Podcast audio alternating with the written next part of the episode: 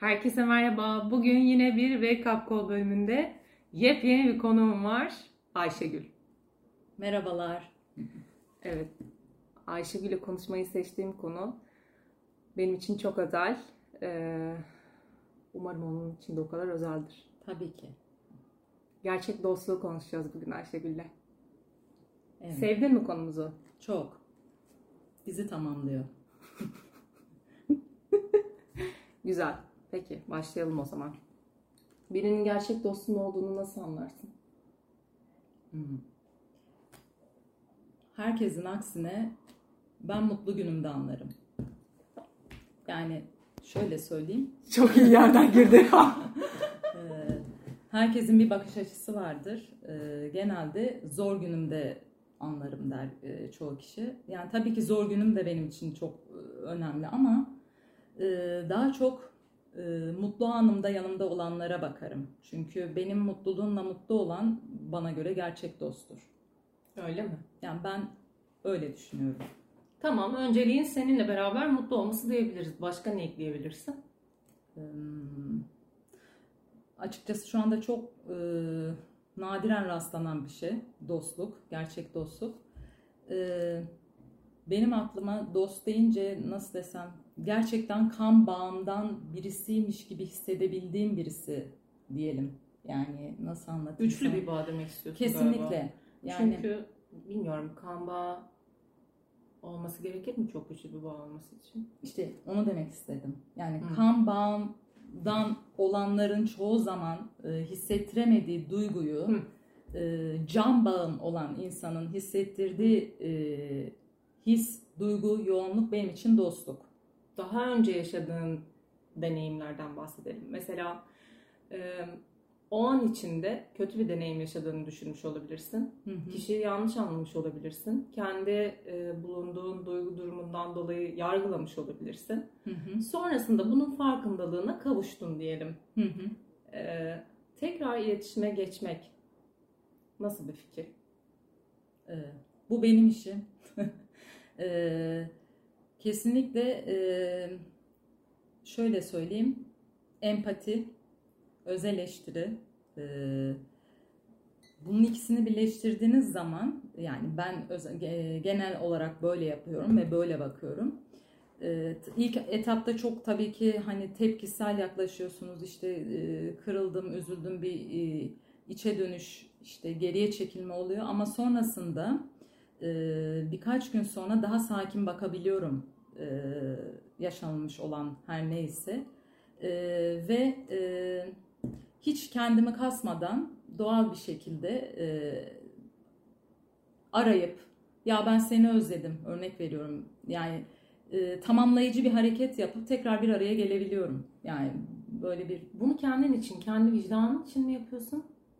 Yoksa gerçekten karşı tarafla olan ilişkin için mi yapıyorsun? Bunu ayırdığına varabiliyor musun? Öncelikle bunu herkese yapmam Ee, ama benim için çok e, nasıl desem anlamı olan değerli bir e, kişi ise e, kesinlikle vicdanım için değil hissettiğim için yaparım. Hislerinle mi hareket edersin genelde arkadaşların konusunda? Evet. Mantığını ön plana koymazsın öyle mi? Ee, şöyle söyleyeyim az önce de konuştuğumuz gibi dost kavramı çok farklı. Herkes için aynı şeyi yapmam ama dostum diyorsam e, kesinlikle e, hislerim mantığımın önünde ön, önde yani önde gelir. Hı. Evet. Dostlukta sınırların var mıdır? Vardır. Hadi o sınırları anlat. e, bencil olmamalı kesinlikle. Yani e, sürekli kendisini düşünen, tek taraflı konuya bakan ya da işte ne bileyim e, bazen kendimde dahi bunu e, hissettiğim zaman fren yapabiliyorum onu söyleyeyim.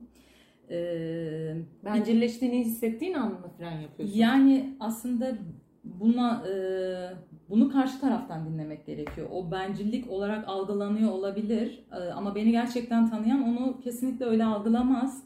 Fakat e, bazen sorunlar üst üste geldiği zaman yani mesela çok sevdiğiniz bir dostunuz ile telefonda konuşurken yani ben genelde e, bir şeyleri e, biriktirmiş isem ve gerçekten beni anlayan kişinin karşımdaki kişi olduğunu biliyorsam, hatta belki bir tek anlayan onun olduğunu düşünüyorsam, e, yaşadıklarımı anlatırken bir anda e, tekrar e, kapattıktan sonra düşündüğümde e, ya ben hep anlattım onu hiç acaba o ne durumda demeden Dinlemedim. evet dinlemedim gibi e, düşündüğüm anlar çok oluyor. Özellikle şu zamanda oluyor. Güzel e, anlatıyor. Bence şey e, öz eleştirisel anlatıyor değil mi? Kendini de işin içine koyarak hani aslında anlatırken de nerede ne yaptığını anlıyor bir yandan da. Öyle olmalı zaten bence yani.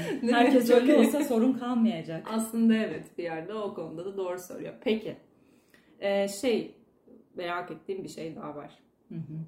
Hani beni iyi tanıyan dedin ya. Seni birinin iyi tanıması için illa zamana ihtiyacı var mıdır? Kısa sürede de insanlar iyi dostluklar kurabilirler mi? İçgüdüleri, içgüdüsel olarak hareket eden, kendi gerçekten e, en az benim kadar dostluğa ya da işte dostluk değil, e, kişiyi tanımaya önem veren, özverili bir kişi ise yani normal kendisi de hayatında e, benim gibi ise çok daha rahat tanıyabilir. Yani bunun için yıllara gerek olduğunu düşünmüyorum. Çok uzun bir süre. Senin gibi derken neyden bahsettin? Çünkü ben kişiye, e, karşımdaki kişiye her zaman e, yani hatta çoğu kez e, kendim gibi görürüm. Yani kendim gibi davranırım. Hani hiç Kendine davranılmasını istediğin gibi davranırsın. Evet Doğru evet. mu? Yani hiç kendimi kasmadan doğal bir şekilde ne ne isem o gibi davranırım. Eğer e, karşımdaki kişi de öyleyse pek bir zorluk e, çekeceğimizi ya da işte çok uzun süre geçirmemiz gerektiğini düşünmüyorum. farklı iki farklı insan çok iyi dost olabilir mi? Olabilir. Yani e, zıt kutuplar biliyorsunuz ki birbirini çeker. O yani partner ilişkisinde olmuyor. mu? Hayır, o bence her ilişkide mevcut. Bak ciddi söylüyorum. Neden? Çünkü şöyle bir şey var. Ee, sebebi de şu. Hani e, sonuçta siz örnek veriyorum. Aileniz, anneniz, babanız, canınız, kardeşiniz her neyse. Onlarla her şeyimiz aynı mı? Değil. Yani aynı evin içerisinde yaşarken dahi e, birlikte büyüdüğün insanlarla ayrıştırılmış özelliklerin olabiliyor.